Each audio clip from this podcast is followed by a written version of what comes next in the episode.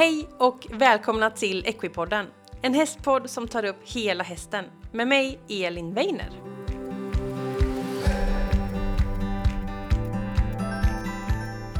Varmt välkommen till ett nytt avsnitt av Equipodden. Från hoppning förra veckan till dressyr denna, för dagens gäst är dressyrryttaren Sofie Lexner. Och eh, dressyr vet ni, tycker jag är lite extra roligt och eh, därför ska det bli jättekul att få ha det här avsnittet. Ett så härligt och glatt positivt avsnitt. Sofie är dressyrryttare och arbetar med att rida hästar och eh, hon berättar om hennes resa. Hon var med om en ganska illa skada för ett antal år sedan där hon blev avkastad av en häst och eh, ja, får väldigt illa skador i nacken. Hon berättar lite om resan tillbaka både fysiskt och psykiskt och sen pratar vi såklart om att träna häst. Och hon berättar lite om sina tips och sina favoritövningar, saker hon alltid checkar av när hon rider. Vi pratar om galopp och för en galopp, så här jättekul saker. Och sen dyker vi in i något som Sofie tycker väldigt mycket om och det är att tävla. Sofie älskar tävlingsatmosfären och att vara på tävling så hon berättar om hennes tankar, hennes tips och bara allting kopplat till tävling. Så kul att lyssna på! Så att ja, ett så bra avsnitt som vi helt enkelt eh, kör igång. Så här kommer dressyrryttaren Sofie Lexner.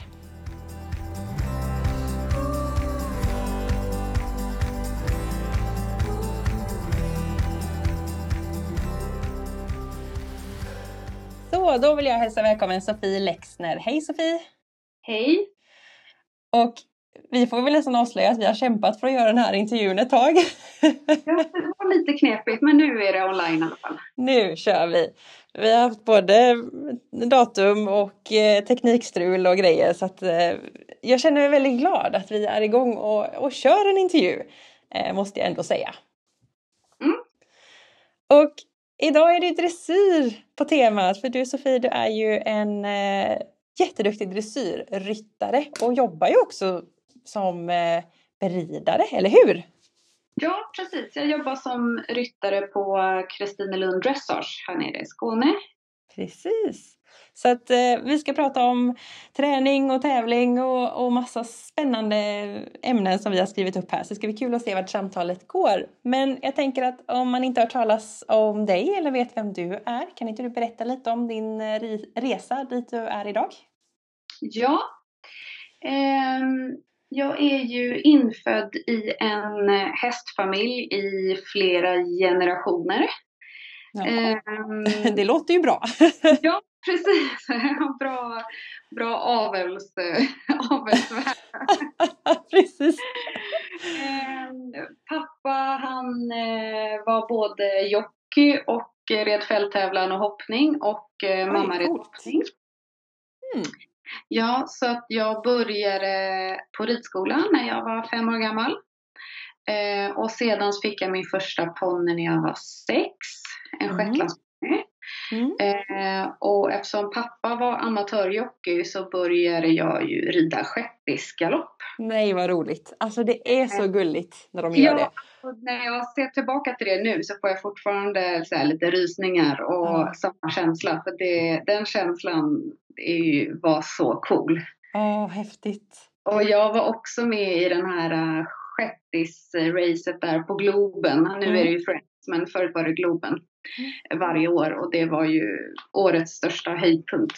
Jag förstår det. De är mm. små men det kan gå rätt fort alltså. Ja, jag tyckte det gick jättefort då. ja, vad roligt! Så du har verkligen börjat på lägsta höjden och jobbat dig uppåt då gissar jag? Det började med shetlandsponny och samtidigt så var det vanlig ridskola där jag lärde mig massor. Mm. Efter det så köpte vi en allround-ponny som var meningen att jag skulle kanske rida lite fälttävlan på lite, ja kanske både dressyr och hoppning. Mm. Eh, jag valde såklart hoppning mm. och fälttävlan häst då, helst då. Eh, men eh, min ponny där han, han tålde inte riktigt att hoppa. Han blev skadad och mm. tålde inte riktigt att eh, träna på det. Så mm. jag var tvungen att välja dressyr då. Mm. Vilket jag egentligen inte alls var intresserad av. Men jag fick ingen ny ponny och jag älskade ju min ponny. Så ja. eh, jag ville ju också behålla honom. Så eh, då fick jag börja rida dressyr. Eh, och då ändrade mamma började också rida dressyr då, så att vi liksom lite gick över till dressyrfamiljen, vilket var väldigt Ja. roligt. Ja, för jag tänkte jag skulle fråga, för du, pappa, du sa pappa fälttävlan och lite galopp och så mamma hoppning. Så tänkte jag, hur Ja. blev det dressyr? Men eh, vad spännande. Men Kul. mamma gick också över lite till eh, dressyrsidan. Mm. Eh, och sen så, han blev ju Sveriges bästa dressyrponny till slut.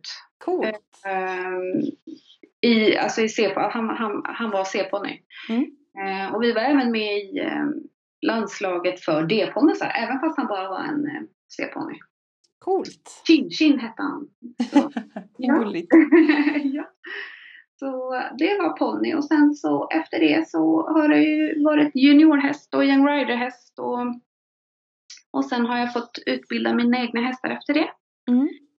Så ja, det var kort och gott resan hit. Ja. Men det har varit mycket tävling och mycket framgång och du har varit med i landslag och, och grejer så du har ju verkligen gjort mycket stora tävlingar också. Ja, alltså det har varit mästerskap och, internationella mästerskap som både ponny, junior och young rider. Mm. Ehm, och så jag jobbar hos Hasse Hoffman i eh, tre år i eh, Danmark. Mm. Eh, och det var ju egentligen där jag valde liksom att eh, det här ska jag hålla på med hela Mm. mitt liv, det är att utbilda hästar. Så det var där jag lärde mig den delen. Mm. Att utbilda hästar och sälja och fick hjälpa till att sälja hästar och, Just det. och så.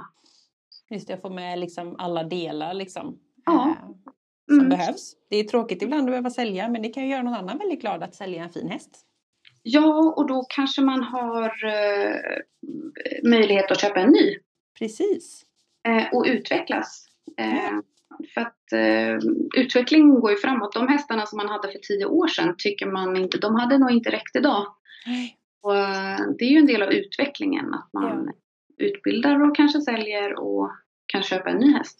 Just det. Det tycker jag alltid är lite roligt att man tittar på något sånt där klipp från eh, 90-tal. när Det är väl kanske Kyra som skruttar runt på någon eh, kyr på någon häst som ser ut som Mm. på någon lätt medelsvår nivå idag. Att det verkligen har blivit så Ja, stor skillnad i dressyren. Den har ju verkligen utvecklats. Mm. Mm. Häftigt, spännande. Verkligen. Och eh, jobbar idag då som eh, beridare. Hur ser en dag ut? Ja, ehm, jag börjar rida vid kvart i sju. Oj, Norm- Nej, kvart i åtta. Nu säger jag fel här. ja, Kvart, det lät lite bättre. ja, eh, kvart i åtta när jag har lämnat eh, mitt barn på dagis. Mm. Så börjar jag rida. Jag rider fem eller sex innan lunch. Eh, och så går jag hem och äter lite lunch. Jag brukar faktiskt sova i 20 minuter, en halvtimme. Mm, en Ja, powernap. Jag är en riktig sån nap-människa. Mm. Jag kan somna överallt. Det är verkligen. Så att jag behöver min nap efter lunch. Ja. Och sen är det ju ja, fyra hästar till ungefär. Så att, eh, det är mellan sju och tio hästar om dagen ungefär. Mm. Ja, det är eh, ett, eh, det är ju ett tufft jobb. Är det. Ja, men tänk att få göra det när det är roligt. eh, Jag vet så. Ja, häftigt. Jag Jätte, jätteroligt. absolut inte göra något annat. Så. Mm. Och vi ska ju prata om just det, det här att träna häst och tävla. Men innan vi går in på det så måste vi också nämna, för att du var ju med om en ganska tuff skada 2013. Vill du berätta lite om det? Ja, det är ju tio år sedan är det nu ja. Ehm, och det var ehm, en ung häst, en fyraårig sto, som eh, jag blev avkastad. Alltså man blir ju avkastad ibland av unghästar så det var liksom inget Mm. märkvärdigt mer än att den bockade och jag hamnade väldigt fel och slog eh, i huvudet något extremt. Så jag landade mitt på huvudet. Mm. Eh, och det, tyvärr resulterade det i eh, två frakturer i nacken och två frakturer i ryggen. Och fyra komprimerade kotor i ryggen tror jag att det var. Mm.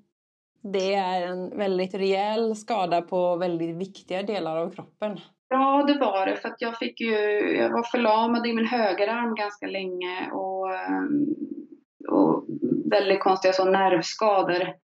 Eh, Mm. så fortfarande har problem av. Eh, jag har fortfarande ingen känsel i vissa delar av armen och handen. Mm. Eh, och jag har lite problem med migrän och sådana grejer idag. Ja, just det. Så det, jag lever ju med det fortfarande fast jag, det ju, jag har ju vant mig vid det. Just det. Så, eh, och du, du funkar ju ändå, tycker du, att rida och orka och, och sådär? Ja, det funkar jättebra. Eh, när man är dressyrryttare så tränar man ju ryggen och magen och hållning och allting mm. Varje dag. Så mina muskler hjälper ju mig eh, väldigt mycket. Eh, att hålla stabilitet i rygg och nacke. Mm, verkligen. Och det måste varit en eh, ganska lång väg tillbaka och jag vet att du har varit med i lite andra intervjuer och andra poddar och så pratat ganska mycket om det här. Men det gick väldigt fort tillbaka. Lite ja, väl fort, eller? Ja, alltså det gick väldigt fort. Jag kände mig ju bättre än vad läkarna sa att jag var. Mm. Ehm, men jag ville inte backa så jag, jag satte ju upp på ehm, ganska tidigt efter, nu, jag kommer inte ihåg men det, det är ju såklart månader efter olyckan ja. ju, för att jag låg ju på sjukhus i några veckor och så. Så det var ju ändå lång rehab men jag satte upp mycket tidigare än vad jag fick. Uh, och uh, de hästskötarna som jag hade då hade, hade hållit igång hästarna så himla fint så det var ju bara att sitta upp och rida på glada härliga hästar. Um, så det var, det var nästan som att det var att kunna anmäla en tävling direkt och det blev det ju. Det blev ju Göteborg Horse Show ganska, ja bara kanske sju månader efteråt eller någonting mm. tror jag. Så, helt otroligt. Ja, så det var, det var, det var helt fantastiskt att få komma tillbaka så snabbt, vilket jag absolut inte trodde att jag skulle. Mm. Så, och inte ja. läkarna heller egentligen va? Nej, det, de var ju negativa. Med all rätt. Men de ser ju också kanske vad som kan hända om man sitter uppe tidigt eller ja. om det händer någonting. Eh, det är väl framförallt att det inte får hända någonting i början. Ja, men eh. precis. Att man måste låta kroppen få vara i fred lite. Ja, precis. Mm. Men jag hade ju inte riktigt det konsekvenstänket just då. det hände ingenting och jag blev stark i kroppen och så. Och allting gick bra. Så mm. ja. Men eh, jag tänker vägen tillbaka fysiskt. Det måste varit mycket träning och mycket sjukgymnastik och sådär. Ja, det var det. Alltså jag kunde ju inte knäppa ett par knappar på min egen tröja till exempel. Mm. Jag kunde ju inte använda min hög. Jag kunde inte hålla i en penna. Mm. Jag kunde inte äta själv. Eh, mm alltså allting med höger, höger hand fungerade ju inte. Alltså greppa saker var ju helt omöjligt. Mm, mm. Först kände jag inte och sen så visste jag liksom inte hur jag kunde ta upp en sak för att jag, jag kände inte med tummen och pekfingret. Mm. Eh, så det var ju massa eh, sjukgymnastik och, och ehm, ja, träning, sådana här små krama bollar och allt vad jag gjort. Precis. Det var, ja. Sånt som man inte tror gör, ger så mycket men som egentligen är det som är nyckeln till att eh, komma tillbaka. Mm, ja, precis. Mm. Absolut. Och hur, hur var det mentalt? Det måste ju varit jättetufft att gå från att liksom ha en väldigt lovande karriär och hästlivet framför sig och sen att det blir väldigt ovisst. Ja, alltså det var det ju verkligen. Och innan jag visste mina skador Mm. Eh, så jag hade ju fått ganska mycket morfin då, men då, då skrattade jag för jag hade fått ganska mycket morfin och, och sa till min mamma att jag hoppas att jag i alla fall kan få rida Paralympics, sa jag till mamma. Mm. Mitt där i sängen och hon började gråta och jag såg ju det bara som, ja men det ska jag ta mig till. Så jag såg inte det som en förlust eller någonting utan jag såg det liksom, ja men vad är nästa mål? Mm. Eh, så jag var väldigt positiv direkt och jag skulle tillbaka mm. på vilket sätt det nu blir, men jag ska mm. tillbaka. Mm. Eh, och där har ju min vilja och envishet eh, pushat mig. Mm. Så ehm, nej, jag skulle minsann aldrig ge upp. Även om det kom, det kanske också är lite förnekelsefas att det här, mm. nu är vi tillbaka igen. Mm. Eh, så efter några månader eller några veckor där så blev det ju en total dipp. Eh, mm. Och att det kommer aldrig gå och jag kan ingenting och mm. jag låg i en säng bara och inte kunde liksom dricka ett glas vatten själv. Mm. Så det var ju, förnekelsefasen var ju lätt att ta sig igenom. Sen, sen kom ju verkligheten och det var ju bara en stor kamp att ta sig igenom. Ja. Vad var det som motiverade dig att ändå klara det då?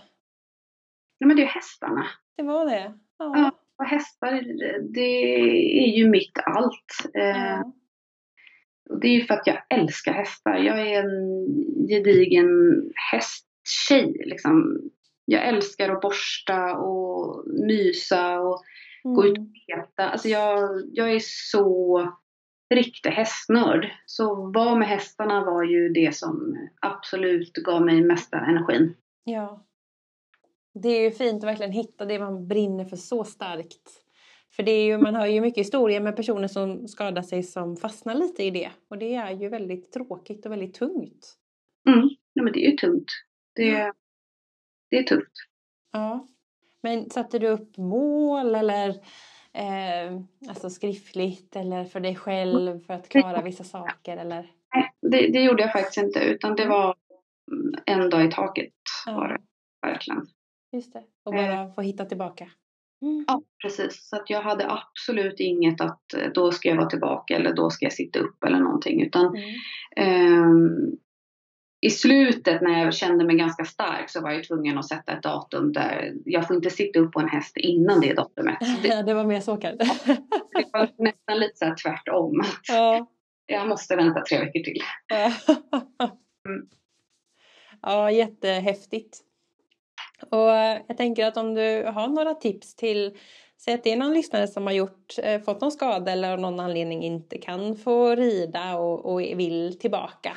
Har du mm. något tips på hur man ska kunna tänka för att eh, känna att det känns lite lättare? Ja, alltså det är väl ta tillvara på det. Det är ju så mycket mer än ridning och tävling. Mm att få vara med hästarna. För att mm. just att bara vara med hästar och djur också framförallt. Men nu är det ju hästarna vi pratar om. Så mm. Jag fick så mycket energi av att bara få vara i stallet. Om jag mm. Eh, sitta och titta när de andra tränar mina hästar eller borstar eller bara få vara i den miljön. Mm. Jag tror att släpp inte miljön utan kom ut så fort man kan och få vara med hästarna på det sättet som kroppen mm. låter. Mm. Det är ett jättefint tips. För hästarna. Ändå hålla kvar det. Ja. Eh, men jag måste ändå fråga, det var aldrig parasport som du tänkte att det skulle bli utan det, du blev återställd så att du kan tävla som, ja. som vanligt liksom? Ja, precis. Alltså det var, jag väntade ju på om jag skulle göra en operation och då skulle mm. jag deloperera hela nacken. Ja, just det. Eh, då tror jag att det hade varit svårt att eh, rida på den nivån som jag gör ju nu. Eh, så det var ju länge där vi låg och väntade om jag skulle opereras och då tror jag väl att det skulle ha en annan, eh, ja, kommit en annanstans än vad jag har gjort nu. Just det. Ja, det var ju tur då kanske. Ja, Ja, eh, stark berättelse men ändå väldigt kul att höra dig, dig prata och då hör man ju verkligen din kärlek till hästen som är så fin och det är så kul att, att få höra det så här också Sofie. Men jag tänkte att vi skulle gå in lite på det här med att träna häst nu då. Eh, och eh, vi har skrivit upp lite saker och då ska vi börja med lite träning för det är ändå det man oftast gör. Tävla gör man ju lite ibland kanske men träning det gör man ju lite oftare. Så jag tänkte att du kunde väl få berätta lite om hur du tänker när du tränar häst, hur du lägger upp ett pass med uppvärmningar och sådär.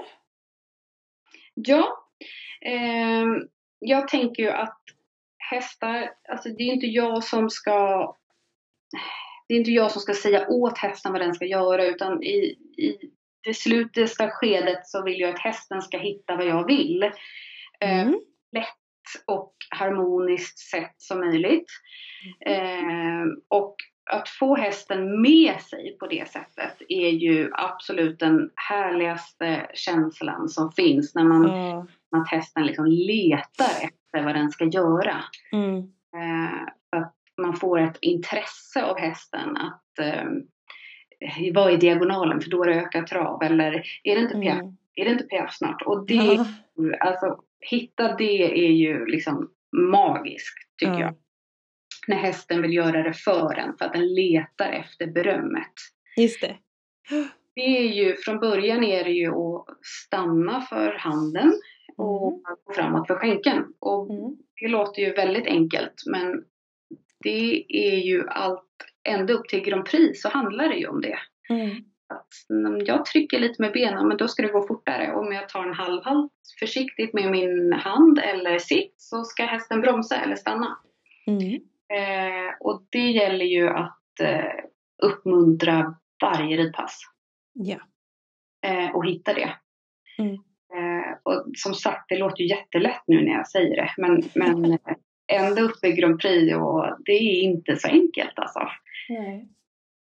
Så eh, framför benen, Mm. fast utan att behöva använda benen.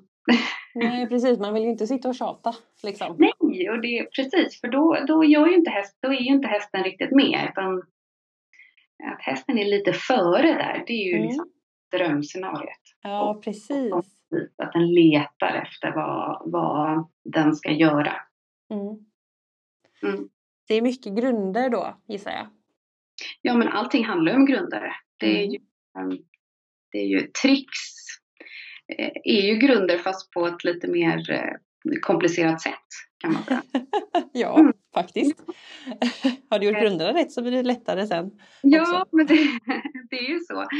Eh, och och eh, lösgjordhet och få dem mjuka genom kroppen för att kunna göra de här tricks, tricksen sen då som jag Mm. kallar det. En, eh, passage piruetter, eh, Mm. en av varje.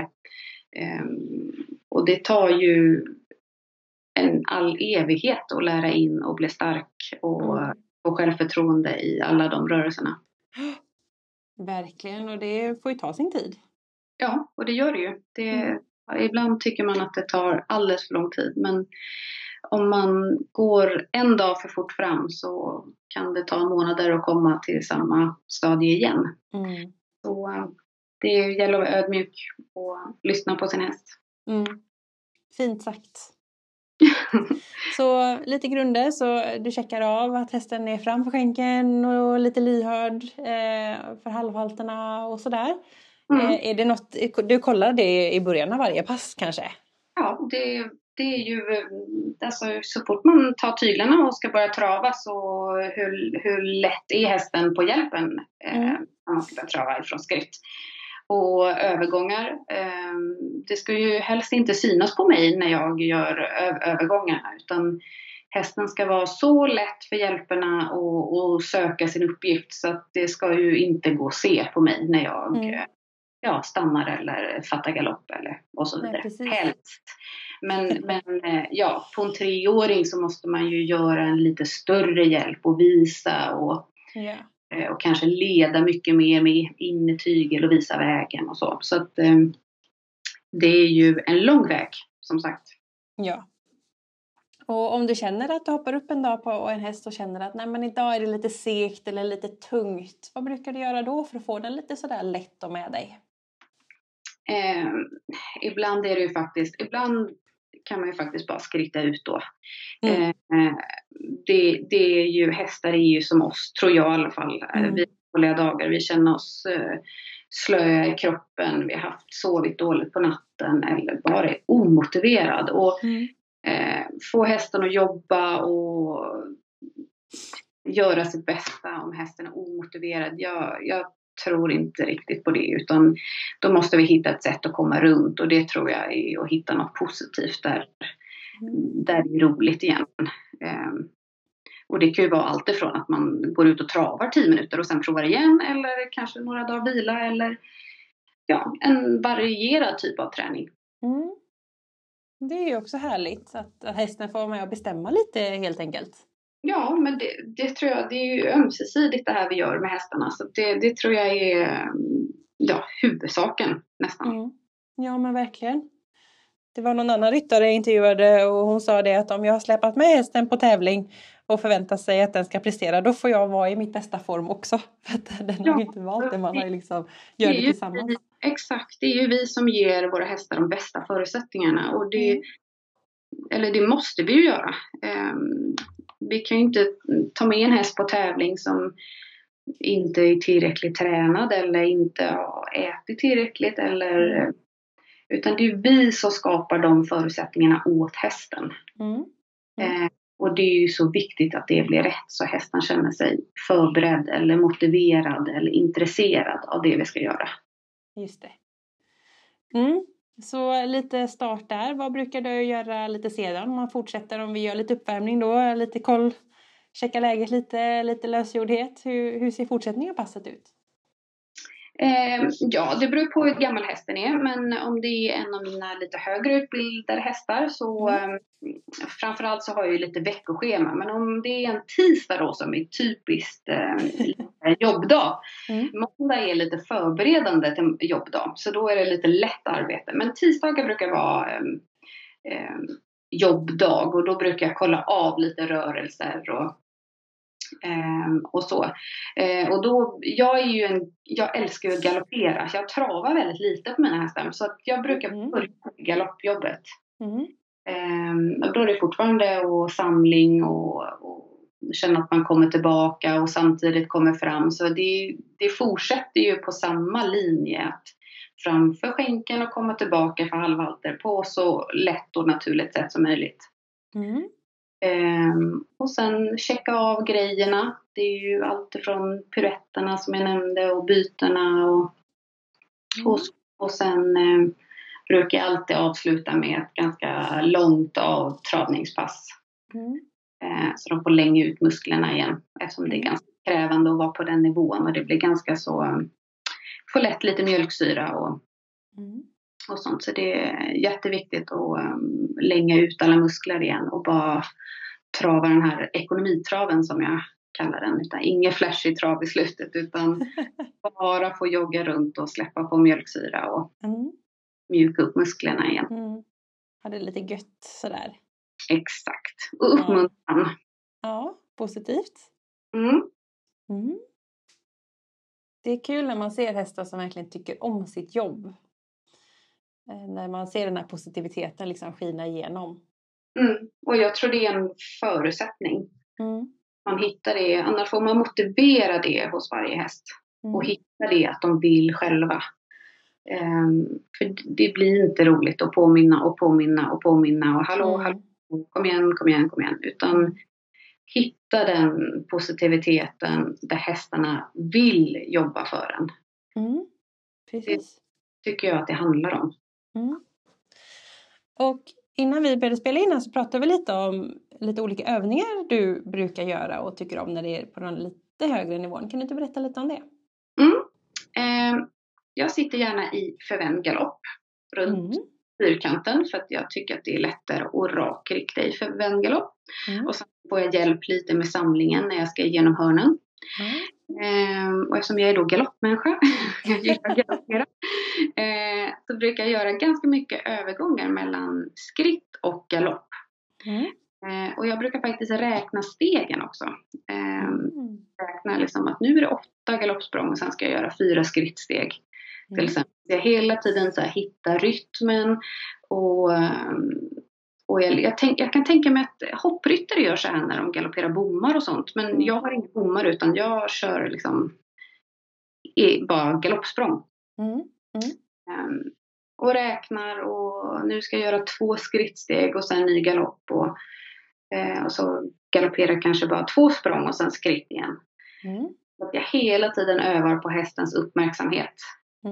Eh, och också att vänta. Nu vill vi ju att hästen ska vara så uppmärksam och nästan vill börja galoppera innan vi ger hjälp. Men att vänta är ju precis lika svårt. Mm, verkligen. Så, och det här gör jag i båda varven då så att man får, just i förvända galoppen tycker jag att det är väldigt bra med träning med mm. rakriktningen också. Ja. Det, det, det här är på alla mina hästar faktiskt. Från att de är ja, sex kanske och uppåt. Mm. Mm. Tycker det är en väldigt bra check. Mm. Um, halvhalterna funkar och övergångarna funkar. Um, ja, så det tycker jag är jättebra. Ja, och för en galoppträning är mycket balans och styrka och sånt också. Så man mm. får ju lite gratis om man gör den här varje dag. Ja, jag tycker det. I alla fall var, varje dag jag rider, jobbar i ridhuset. Ja. Jag gör ju inte det här ja, alla dagar utan Nej, precis. Utan jobbdagarna. som jag nämnde tidigare. Så, mm. Just det. Så det är jättebra. Och övergångar såklart. Mm, exakt. Och om man tänker liksom lite svårare rörelser där med samling och så, hur jobbar du med det? Ehm, det här leder ju ganska mycket till samling, den här övningen eftersom eh, om du bara ska göra ett galoppsprång och sen skritt så mm. är det ju eh, väldigt, väldigt, väldigt samlad galopp det krävs. Mm. Yeah. Så det här är ju så pass bra styrketräning att eh, när de blir starka i det här så har du ju en väldigt, väldigt samlad galopp. Mm. Just det. Och sen i trav eller passage och piaff så är det ju samma sak att man leker lite mellan kanske trav till några steg piaff och sen fram i trav igen. Mm. Så att det inte just bara blir passage utan att det blir också trav, piaff, trav. Mm. Mm. Ehm, och piaff det är ju de ja, äldst, mest, eh, mest utbildade hästarna. Men det kan också vara trav och komma ner och trampa lite som vi säger. Eller baby steps eller vad, vad man kallar det. Utan trampa kanske två, tre steg och sen fram i trav igen. Mm. Eh, och som så småningom i styrka och balans kommer leda till fina övergångar i passage, piaff, passage. Mm. Häftigt! Mycket övergångar. Jätteviktigt. Ja, det är ju det det bara handlar om sen. Man ska igenom det Grand Prix special sen.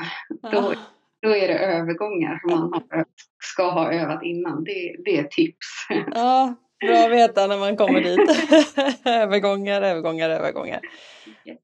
Och jag gillar det du sa också det här att du att du, är väldigt, att du verkar väldigt noga och tänker innan, okej okay, nu är det så många steg, sen är det så många steg och så många steg. För det blir ju lätt att man, ja men jag tar en fattning här så saktar jag av snart och så, ja men nu tar jag en ny det, blir, det är ju lite skillnad liksom. Ja, det blir ju en övning på precision. Mm. Ehm, och eftersom dressyr då sen i programmet är så mycket precision. Mm. Alla kan ju, alla oavsett nivå eller häst kan göra en halt för en tia. Mm. Tänker jag. Mm. Då ska ju jag vara den som gör en halt för en tia, tänker jag. Mm. Eh, så att mata det här hela tiden, eh, det tror jag ja, leder till någonting bra. Mm. Det är den här noggrannheten och det är den som, eh, ja det är väl det som gör att den som vinner och den som kommer tvåa kanske? Kanske det är så. Mm. Kul! jätteroligt att lyssna på och härligt med lång av joggning efteråt också. Men jag tänker jag skulle fråga, för du sa att du hade ett veckoschema, för det är alltid kul att höra. Måndagar, mm. lite förberedande arbete. Tisdagar, ett jobbdag. Mm. Eh, unghästarna och de äldre hästarna, det är nästan samma. Måndagar och tisdagar ser alltid nästan likadana ut. För mm. Jag är ju normalt ledig på söndagar om det mm. inte är tävling och så. Eh, så då är det hagdag för hästarna. Eh, mm. De går hag hela dagen på söndagar och eventuellt skrittmaskinen. Mm. Så de behöver ju ett liksom, uppmjukningspass. Mm. Eh, inte full jobb på måndagen utan värma upp musklerna lite och komma igång igen efter helgen. Mm. Eh, så måndagar är ju eh, förberedelse till tisdagen. Mm. Kan man säga. Eh, och sen är det då tisdag fortsätter jag där jag avslutar på måndagen. Eh, och sen unghästarna är oftast lediga på onsdagarna eller rids ut. Eh, och de äldre hästarna kanske jobbar en dag till beroende på hur de kändes då på tisdagarna. De kanske också får en skritt ut annars på onsdag. Eh, och sen är det en, led, en ledig dag och sen är det samma sak fredag, lördag. Mm. Eh, inte om de är tre år, då rids de bara max tre dagar i veckan. Men mm. fyraåringar och uppåt eh, ser det ut sådär ungefär. Mm. Så fredag då är det upp jobbsdag. Ja. och lördag är det jobbdag. yes. Det är ganska smart upplägg. Lite skriftmaskin på, och hage på söndagar. Mm. Låter ju väldigt härligt och skönt att de oftast kommer ut också någon dag. Ja, eh, jag eh, försöker också vara lite ledig här emellan så då är det oftast eh, våra duktiga hästskötare i stallet mm. som rider ut hästarna. Perfekt. Ja. Det behöver de. Ja. Både hästskötarna och hästarna. Alla inblandade mår bra av att vara i skogen. Alla är glada när de kommer tillbaka och, och ser strålar i ögonen. Så det ja. Ja, vad härligt. Mm.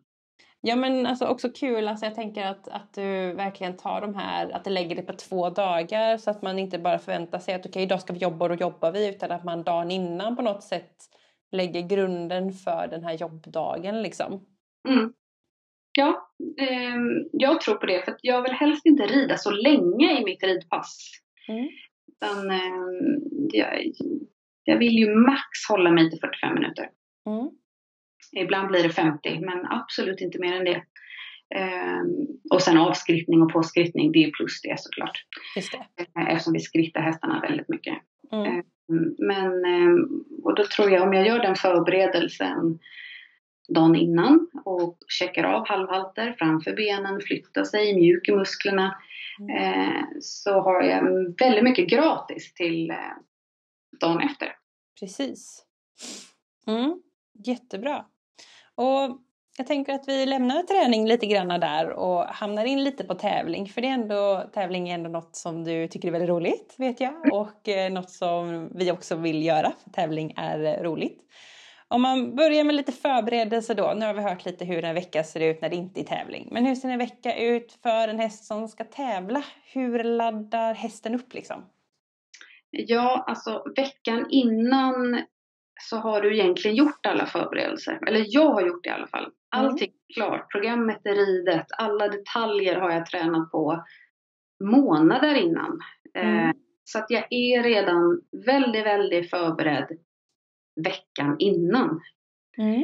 Eh, så veckan som kommer innan tävling så ska det bara vara uppmuntran till hästen. Hitta eh, positiv feedback jag gör oftast inte det som är lite svårare för att jag vill bara ha den här positiva andan så att eh, vi vet att vi kan när vi kommer till tävling. För det är mm. så mycket andra eh, spänningar och nervositet och, och läskiga domare och dukar och allt vad det kan vara, flaggor, eh, som också kommer sen i programmet. Just det. Så att ha den här positiva känslan när man kommer dit och vara så väl förberedd eh, brukar funka för mig. Mm. Hur förbereder du dig för att vara den bästa? Eh, jag är extremt noga med tider. Alltså mm. Nördig med tider. Så jag vill ju redan dagen innan ha minutschema. Alltså allt från när min häst ska ha mat till eh, när vi ska fläta, när vi ska åka, när jag ska äta. Ehm, när vi ska, minut när vi ska gå ut och skritta innan vi sitter upp. Och, eh, så jag vill väldigt vara förberedd på tiden. Mm. Tiden är viktig för mig. Mm. Eh, och det har varit några som har skrattat åt mig när jag kommer där med min minutschema. Men för mig ger det trygghet. Så för mm. mig är det väldigt viktigt att jag har min tid att luta mig tillbaka på. Mm. Jag är aldrig sen. Aldrig. Nej. Eh, för att jag sätter mig aldrig i den situationen. Så det är någonting som jag eh, kan väldigt luta mig tillbaka på. Att jag mm. är tid och jag är alltid förberedd. Mm. Um, så då slipper du tänka på det när du är nervös sen. Precis, då har du ditt papper att gå på liksom. Ja, precis. Eh, och sen, jag älskar ju att vara i den här eh, lite obekväma tävlingssituationen. Jag gillar att känna mig lite nervös. Mm. Eh, och det har jag fått öva på att gilla. För att min nervositet var inte positiv från början utan den var ju, oh det kommer inte gå eller jag eh, hade lite ångest och jag måste prestera, jag måste prestera och så. Men jag har lärt mig att gilla den känslan nu. Mm. Hur har du eh, jobbat med det? Ja, det, det är att jag har försökt att hitta allting som är roligt i det vi ska göra. Mm. Eh, och sen att jag har hela tiden känt mig så förberedd. Alltså det, det är mitt, mm. om jag inte känner mig förberedd så kommer jag aldrig in i den comfort zonen. Mm.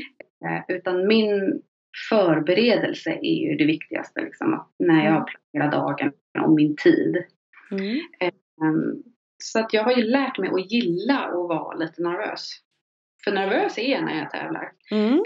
Ehm, Men, men det är någonting jag, ehm, jag gillar att vara. Mm.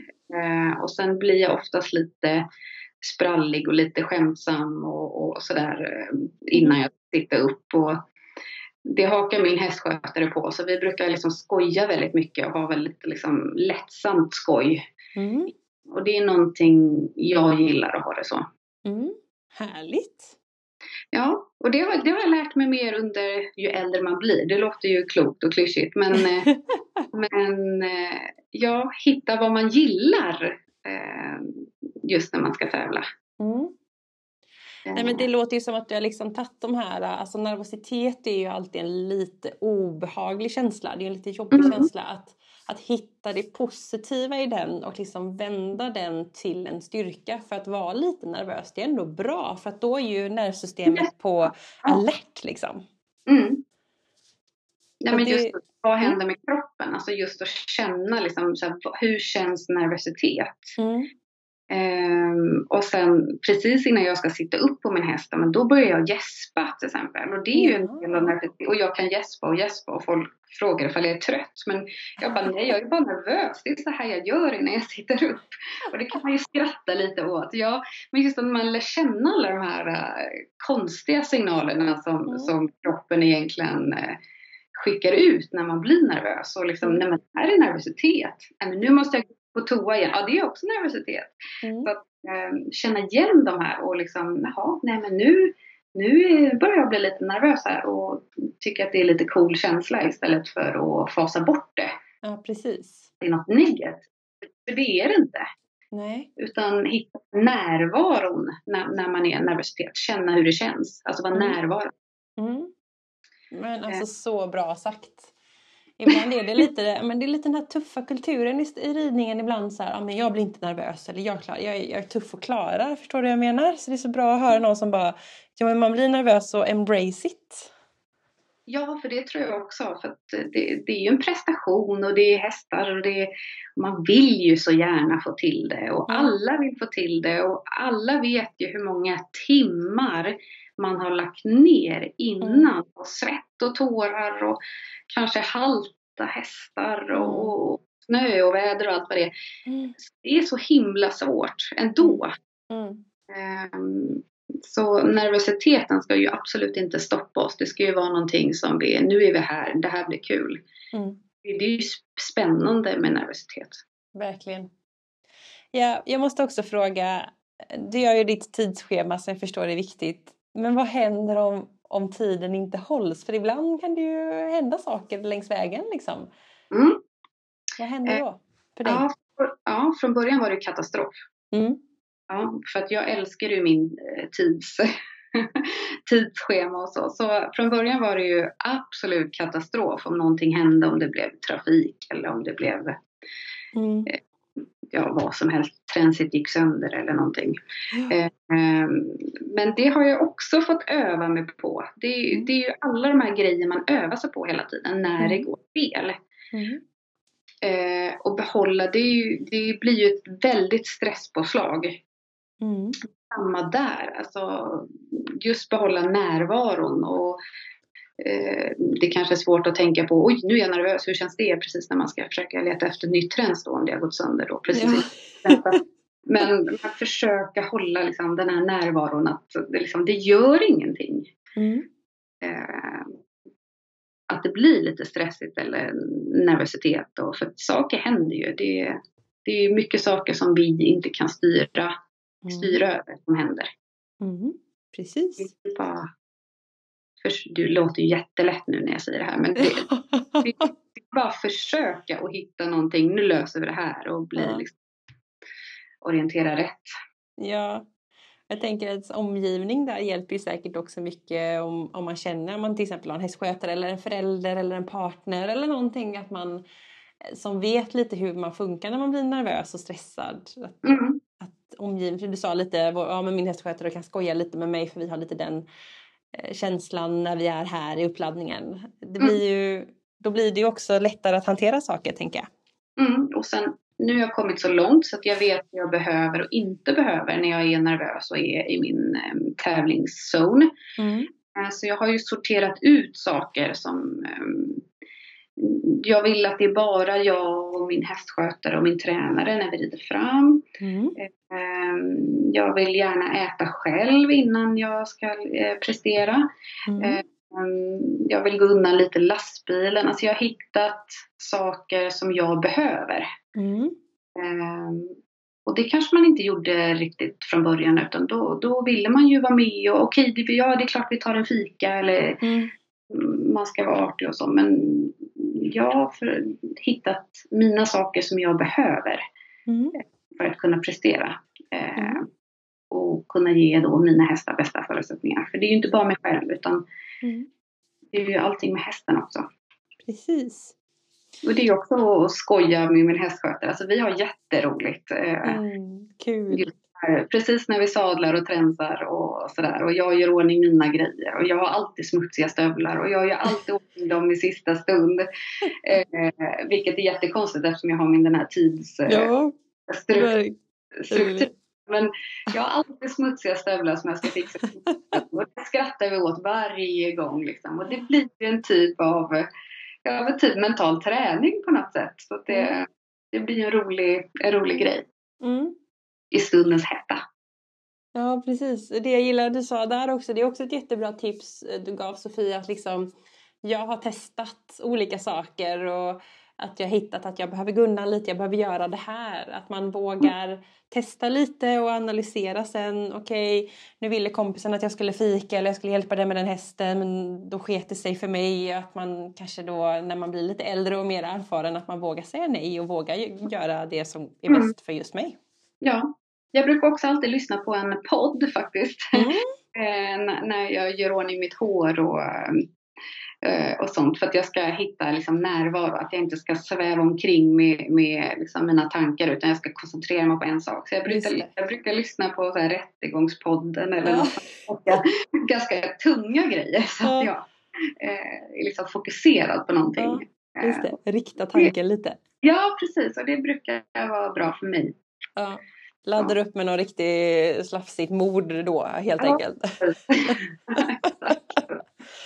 Ja, vad roligt. Mm. Nu har vi pratat om din uppladdning ganska mycket och vi pratade lite om hästen där men jag tänker på tävlingsdagen liksom eh, när det är dags att hoppa upp och framridning då ska ni ju tillsammans förbereda er för en prestation. Hur, hur brukar du tänka där? Mm, ja, det är ju att hitta det här att, att hästen vill göra det här med mig. Mm. Eh, hästen ska vara så pass förberedd så att när vi går in på banan så eh, ska hästen lita så mycket på mig och leta sin uppgift. Mm. Eh, ja, det är svårt att beskriva det men eh, mm. mm. det är ju alla förberedelser innan som ger resultatet på tävling. Så det går egentligen att ändra någonting där på framridningen och utan det är ju samma vanliga grej. Tar mm. hästen skänken när jag ska börja trava, stannar den för handen, sitsen. Alltså det är ju återigen basic, basic, basic. Mm. Mm. Och att du får rätt känsla, att ni är i samma bubbla. Ja, det är absolut inget annorlunda jag gör på tävling än vad jag gör hemma. Mm. Mer än att eh, skydden ska då mm. framridningsskydden ska precis innan och det har vi faktiskt övat på hemma någon gång också. För att, mm. eh, någon gång när eh, jag hade en elev innan här så när man tog skydden på hästen så var det precis som att hon liksom jag bara tappade, alltså liksom zoomade ut eh, precis när man ställer sig och tar skydden. För det kanske tar en minut eller en och en halv minut. Mm. Ehm, så det är en liten grej man kan faktiskt öva på ifall det händer någonting just då när man står och ska ta skydden eller ta på sig kavajen. Och, ja, precis. det är ju någonting som inte händer hemma. Tänker just det. Och det blev väl sådär verkligt då? Förut har det bara varit ett ridpass men bara, nu är det, ja. go time liksom. Ja, precis. Att inte mm. zoomas ut då utan samma fokus och samma känsla och försöka mm. behålla det. Mm. Bra tips! Ja. identifiera. Nej men det, det är så mycket kring tävling och det är ju eh, stort och svårt och eh, det kan vara som du sa läskigt för hästarna och ja så vill man ju så gärna så att det är alltid kul att höra andras tips och tankar så man kan få med sig något. Det gillar jag. Bra. Eh, så att eh, det är ju superbra. Och sen så själva prestationen inne på banan. Är du en person som är medveten om dina tankar eller bara du går på känsla och kommer ihåg programmet? Eller hur, hur liksom är du på, inne på banan? Eh, jag har oftast väldigt bra närvaro för att jag mm. övar det väldigt mycket. Jag mm. har övat på andningsteknik och så. så att, eh, ehm, jag brukar försöka när jag får startsignal så försöker jag alltid ta ett liksom, djupt andetag in genom magen och det har jag övat på innan så jag vet hur det ska kännas. Och, mm. eh, och sen så försöker jag behålla närvaro, hela tiden känna hästen. Mm. Så är det lätt att man liksom nästa stopp, nästa stopp och blir lite stressad för att programmet går fort. Mm. Men varje hörnpassering ska vara en bra hörnpassering. Mm. Eh, för att kunna förbereda till nästa moment. Mm. Um, så, så brukar jag tänka. Mm. Uh, sist, min sista tävling som jag gjorde så debuterade jag Grand Prix på en, uh, på en häst. Uh, så det var första gången hon gick Grand Prix. Okay. Och då var det ju så, då var det mer anspänning. Det kände jag ju direkt hos mig mm. själv. Mm. Och då när jag var färdig med programmet och kom ut, då var det precis som att jag bara, var det bra eller var det dåligt eller hur var det? Mm. Så då hade jag ju inte varit riktigt närvarande.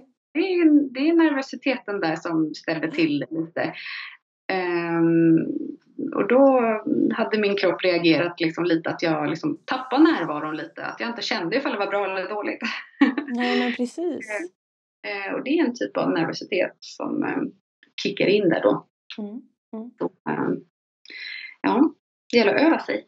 Ja, öva på allting. Mycket mm. detaljer Sofie, du är väldigt detaljerad och noga. Jag är detaljerad, ja, jag vet. Ja, det är väldigt häftigt att lyssna på. Väldigt kul att höra. Då måste jag ju också fråga, är du en person som skriver ner allting kring hästarna eller har du allt i huvudet? Allt i huvudet. Mm. I Då är det fullt. I känslor har jag allting. Hur mm. det ska kännas. Mm. mm. Inte liksom att om jag gör det här så kommer det bli så utan jag memorerar känslor när jag rider. Mm. mm. Det känns liksom. Häftigt. Låter flummigt kanske.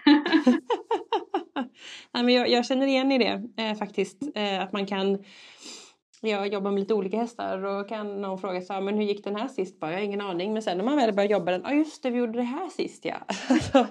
att man kommer tillbaka, man kommer ihåg först när man är i det. Liksom. Ja, just att komma ner i alltså bena ut det i text eller skrift från mm. en känsla, det, mm. det har jag jättesvårt att göra. Mm. Ehm, så bara jag vet hur känslan ska vara så brukar det lösa sig. Ja, häftigt. Ja, Sofie, nu har vi pratat på en stund och jag tänkte att vi skulle börja runda av lite grann. Och nu när vi spelar in det här så är det snö och väder i alla fall hos mig och jag vet att det har snöat ner hos dig också. Här är snö. Jajamän, så nu går vi ju in i vintersäsongen. Så hur ser din närmaste tid ut och vad har du för mål framåt att jobba med? Eh, målet är nu, jag är faktiskt bara i Sverige en vecka till. Mm. Sen åker jag Thailand nu i två veckor. Gött. Så det är semester med familjen. Mm. Eh, så det ska betas av och eh, hästarna ska få lite aktiv vila, som jag brukar kalla det. Det är lite Eh, vattenband och ridas ut och så. Och mm. sen börjar ju eh, tränas för nästa år. Eh, och det är ju ett OS-år nästa år. Ja. Eh, och eh, jag och min häst, vi ska göra allt som vi kan mm. och är möjligt för att komma så nära det målet som möjligt. Mm. Det blir spännande att följa. Ja, det blir spännande att försöka också. ja men eller hur, alltså, man måste ju försöka. Annars så ja. kan man ju, då kan man lika gärna stanna hemma. Ja, precis. Mm. Så fullt med träning och tävlingar och grejer nu då framåt. Det blir kul att få följa. Mm. Och om man vill följa dig i din vardag, då kan man göra det på Instagram vet jag. Vad heter det där? Ja, eh, det är ju framförallt Kristine Lund Dressage man kan mm. följa. Där är det mycket om hästarna och ehm, ja, uppdatering på tävling och så vidare. Mm. Annars är det ju på mitt namn Sofie Lexner på Instagram. Just det. Där är det lite mer närmare mig. Mm. Mm. Men också lite mer med familj också och inte bara hästar va? Nej, precis. Där är lite Mm. allt men Ja. dyka upp på här. Precis. Och om man vill komma i kontakt med dig, då kan man också kanske skriva där Ja, absolut. Det är bara att skicka ett DM. och mejla. Det har jag gjort i alla fall. Ja. Bra till slut. Jajamän. Ja. ja, men jättekul Sofie att få lyssna lite på dig. Så eh, jag säger stort tack att du ville vara med i Equipodden. Ja, tack så jättemycket. Det var jätteroligt.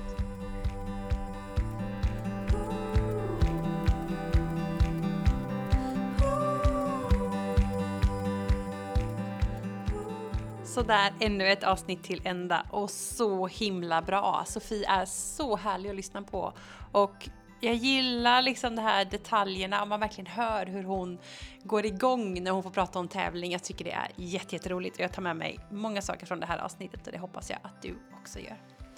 Och eh, nu har det gått ännu en vecka. Det är snart jul och det ska ut några till avsnitt innan Equipodden tar en liten julpaus som jag brukar göra. Men några veckor till ska det komma avsnitt. Och eh, kika gärna också in på sociala medier, Equipodden på Instagram och Facebook för att se lite annat roligt som kan eh, dyka upp.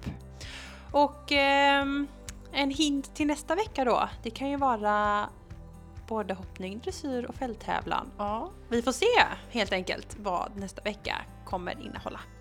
Men så länge får jag önska dig en fantastisk vecka så hörs vi nästa vecka. Hej då!